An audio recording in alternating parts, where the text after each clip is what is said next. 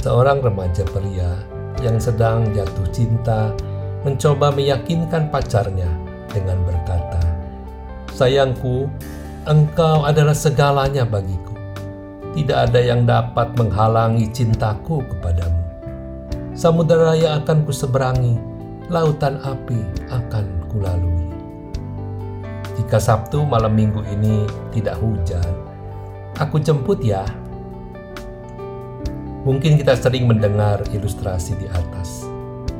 Namun sadarkah kita kalau sikap kita terhadap Tuhan sering kali seperti pemuda ini? Kita sering menyanyi, Aku mengasihi Engkau Yesus dengan segenap hatiku Aku mengasihi Engkau Yesus. Dengan segenap jiwaku Ku renungkan firman-Mu.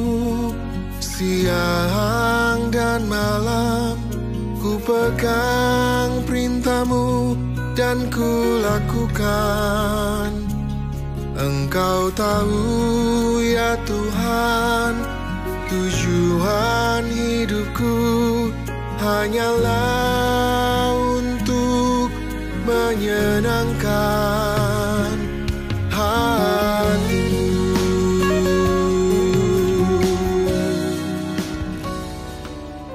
namun dalam keseharian, apakah kita konsisten dengan apa yang sering kita nyanyikan? Yesus pernah bertanya kepada Petrus sampai tiga kali dengan pertanyaan yang sama dalam Yohanes 21 ayat 15 sampai 17. Katanya, Simon anak Yohanes, apakah engkau mengasihi aku lebih daripada mereka ini?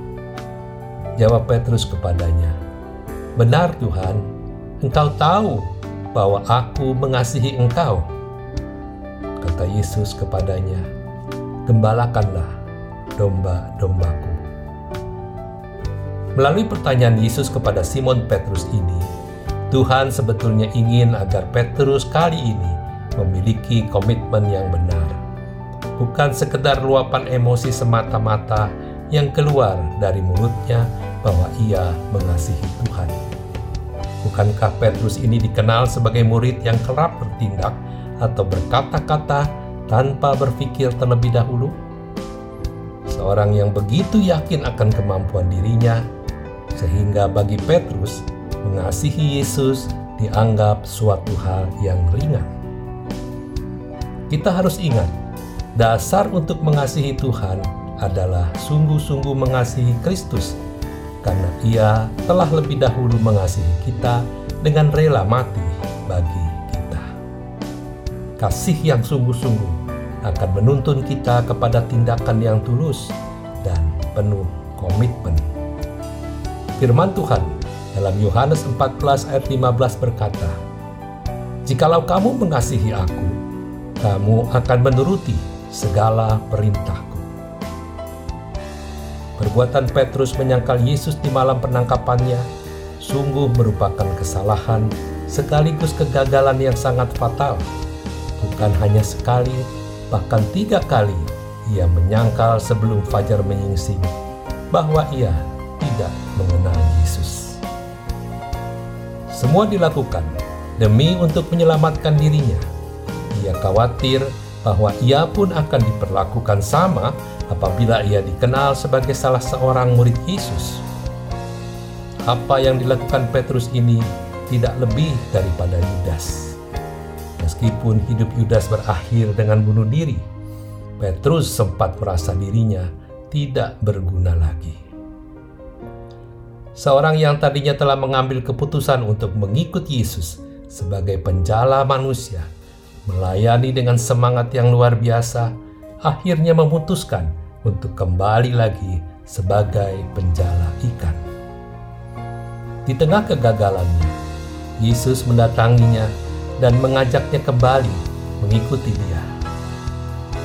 Sangat tidak mudah bagi Petrus Apalagi ketika Yesus bertanya kepadanya, apakah Petrus mengasihi dia melebihi yang lain? Kali ini Petrus berat sekali untuk mengatakan bahwa ia mengasihi seperti kasih yang dimaksud Yesus. Namun Yesus memahami kondisi Petrus. Ia rela turun ke posisi di mana Petrus berada untuk kembali mengangkatnya. Saudara, pesan ini bukan untuk sekedar memperlihatkan keburukan atau kegagalan Simon Petrus di masa lalu semata-mata. Namun ditujukan kepada kita bahwa sangat mungkin kita bisa berada di posisi yang sama dengan Simon Petrus.